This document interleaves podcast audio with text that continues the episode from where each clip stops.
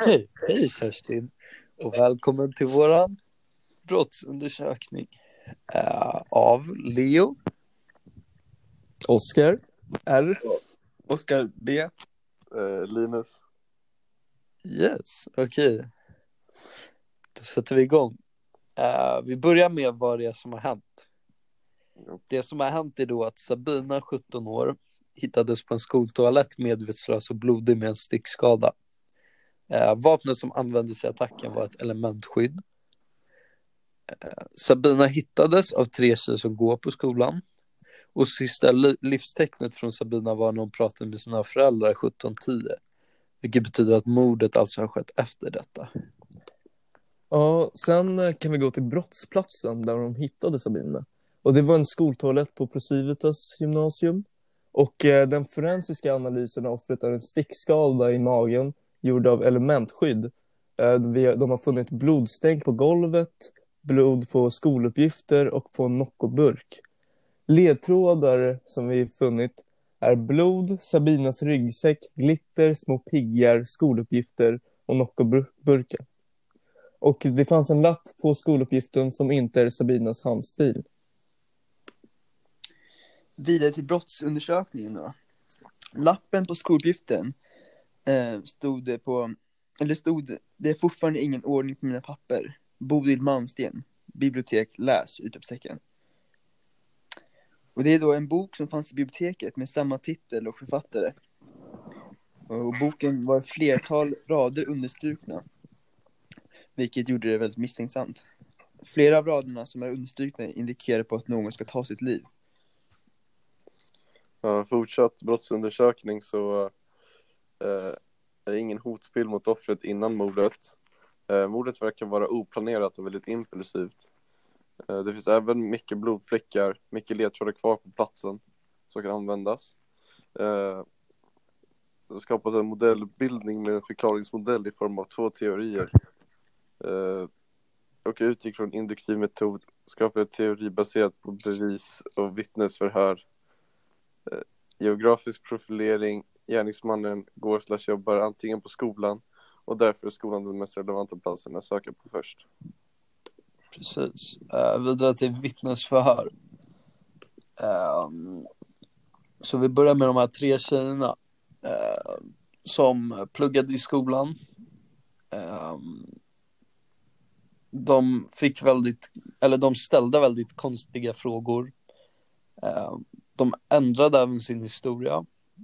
Ehm, och sen eh, framgick det att en tjej såg en kort kille med svart keps. Ehm, eftersom hon var väldigt stressad. Ehm, och att det är väldigt negativt vid framplockning plockning, så kan det här vara ett falskt minne. Och polisen borde inte ha fra, eh, förhört tjejerna tillsammans. För att då kan de ju prata ihop sig liksom och ändra sin story. Och sen eh, vidare till Emma. Eh, Katarina, var, eh, ja, Katarina var blek och svimfärdig. Ehm, hon pratar även väldigt mycket med Karina och ställer frågor så, om vad Katarina har sagt. Ehm, och sen var Katarina borta på toaletten ett tag. Uh, över till de andra vittnesförhören. Uh, eh, vi börjar med Peter. Uh, han har sagt att han pluggade med Johan. Att ingen lärare öppnade och Johan gick på toaletten när det hände. Uh, där, däremot säger Johan uh, att han frågar mycket om offret. Han frågar vad som har hänt och allt sånt där. Han och offret har strulat, erkänner han. Peter uh, gick, han säger också att Peter gick på toaletten. Exakt samma historia förutom vem som gick på toaletten. Uh, Oscar, han, han är väldigt paranoid. Han känner sig misstänkt och anklagad. Han gick ut från förut uh, och blev väldigt defensiv. Uh, och Katarina då, då, hon var tillsammans med Johan, men han var otrogen mot henne med Sabina. Ger motiv triggar till mordet. Eh, hon var även på toa i 20 minuter, mådde illa under en lång tid och behövde dricka. Kanske nervös, nervös inför mordet. Polisen var väldigt förstående. Eh, till Katarina alltså. Ja, sen Karla. Eh, Karla har en affär med Sven. Eh, och eh, ett motiv till mordet eftersom Sabina kan ha sett eh, deras affär. Eh, hon nämner även att det är flera konstiga saker som har hänt i skolan. Eh, en försvunnen kam i glitter till exempel. Eh, som Sven har. Hon var inne på toan innan mordet och borstade tänderna och fixade håret. Då kanske hon använde kammen. Men Karl är väldigt neutral om det som har hänt. Hon berättar mer om sig själv än att svara på själva frågorna. Eh, vidare till Sven. Han har ju då en affär med Kala som Linus precis sa. Eh, som som sagt skapar en motivtrigger till mordet som Sabina kan ha sett det. Ehm, han säger att han senast pratade med Sabina klockan 17.00 innan mordet skedde. Ehm, sist med, han var sist med att träffa henne. Ehm, han säger att han gav Sabina en skoluppgift eh, och den hittades även sen på brottsplatsen. Han säger att han var ensam i arbetsrummet först. Eh, och sen ändrar han sig och säger att han är med Karla. Eh, och då kan vi kolla upp eh, det alibit. Eh, han var ensam i arbetsrummet. Det här är då senare. I arbetsrummet tills det kom fem ungdomar som bankade och skrek vid dörren. Och då kom Karla och sen var Karla och Sven med varandra hela tiden. Um, och ja, som sagt, han berättar för, för sin affär eh, för polisen och är väldigt nervös över den. Ja, sen nu ska vi prata om vår första teori som vi har haft. Uh, det, det, det här första teorin så menar vi att Katarina är gärningsmannen och hennes motiv slash trigger är hämnd för att offret Sabina var otrogen med Johan. Eh, alltså en reaktiv gärningsman.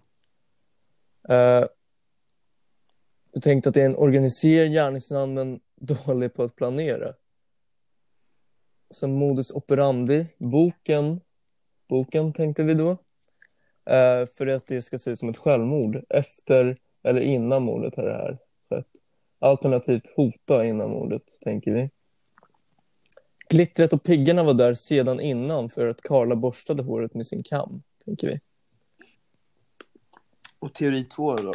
Eh, Karl och Sven är gärningsmännen.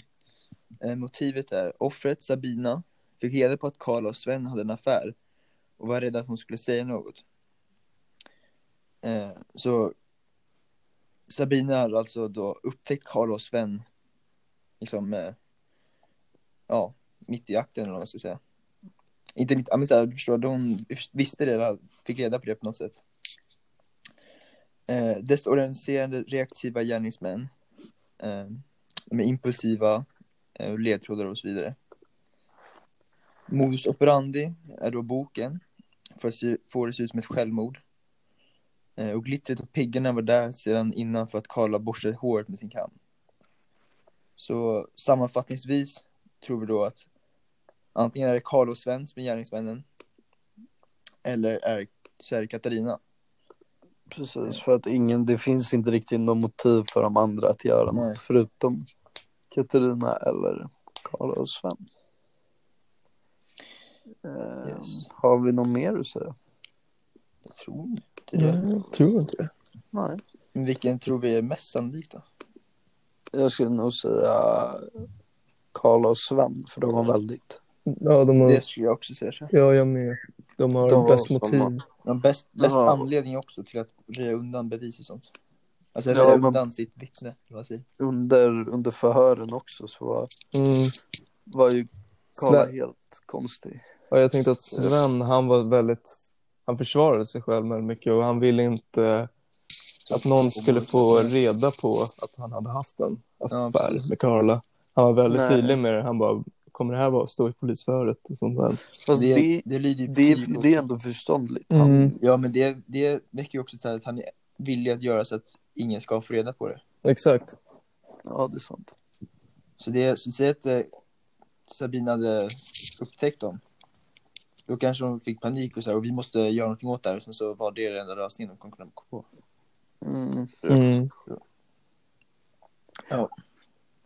Ja, då tackar vi för oss då. Yes. Ja. Ja. Hej då. Hej då. Hej då. Hej då.